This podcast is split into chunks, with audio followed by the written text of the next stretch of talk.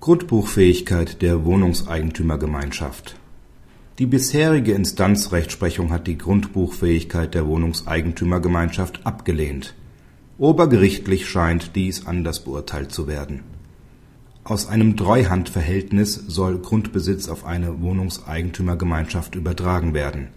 Der Rechtspfleger lehnt dies unter Hinweis auf mangelnde Grundbuchfähigkeit der Gemeinschaft ab. Das Landgericht folgt seiner Auffassung. Demgegenüber ist das OLG Celle der Ansicht, dass die Wohnungseigentümergemeinschaft grundbuchfähig, weil rechtsfähig ist. Die Frage, ob ein Erwerb von Grundstücken den Grundsätzen einer ordnungsgemäßen Verwaltung entspricht, ist im Zweifel nur in einem Verfahren nach § 46 WEG zu prüfen.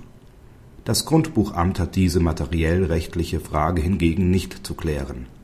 Insbesondere muss es die Bestandskraft eines entsprechenden Beschlusses der Wohnungseigentümer beachten. Praxishinweis Die zu begrüßende, soweit ersichtlich erste obergerichtliche Entscheidung ist richtig.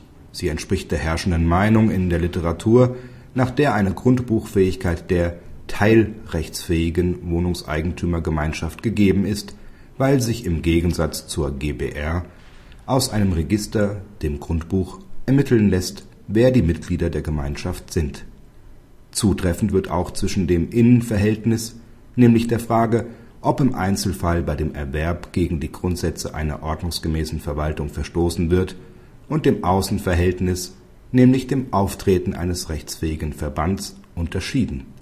Jede andere Betrachtung widerspricht den Grundsätzen, die für jeden rechtsfähigen Verband gelten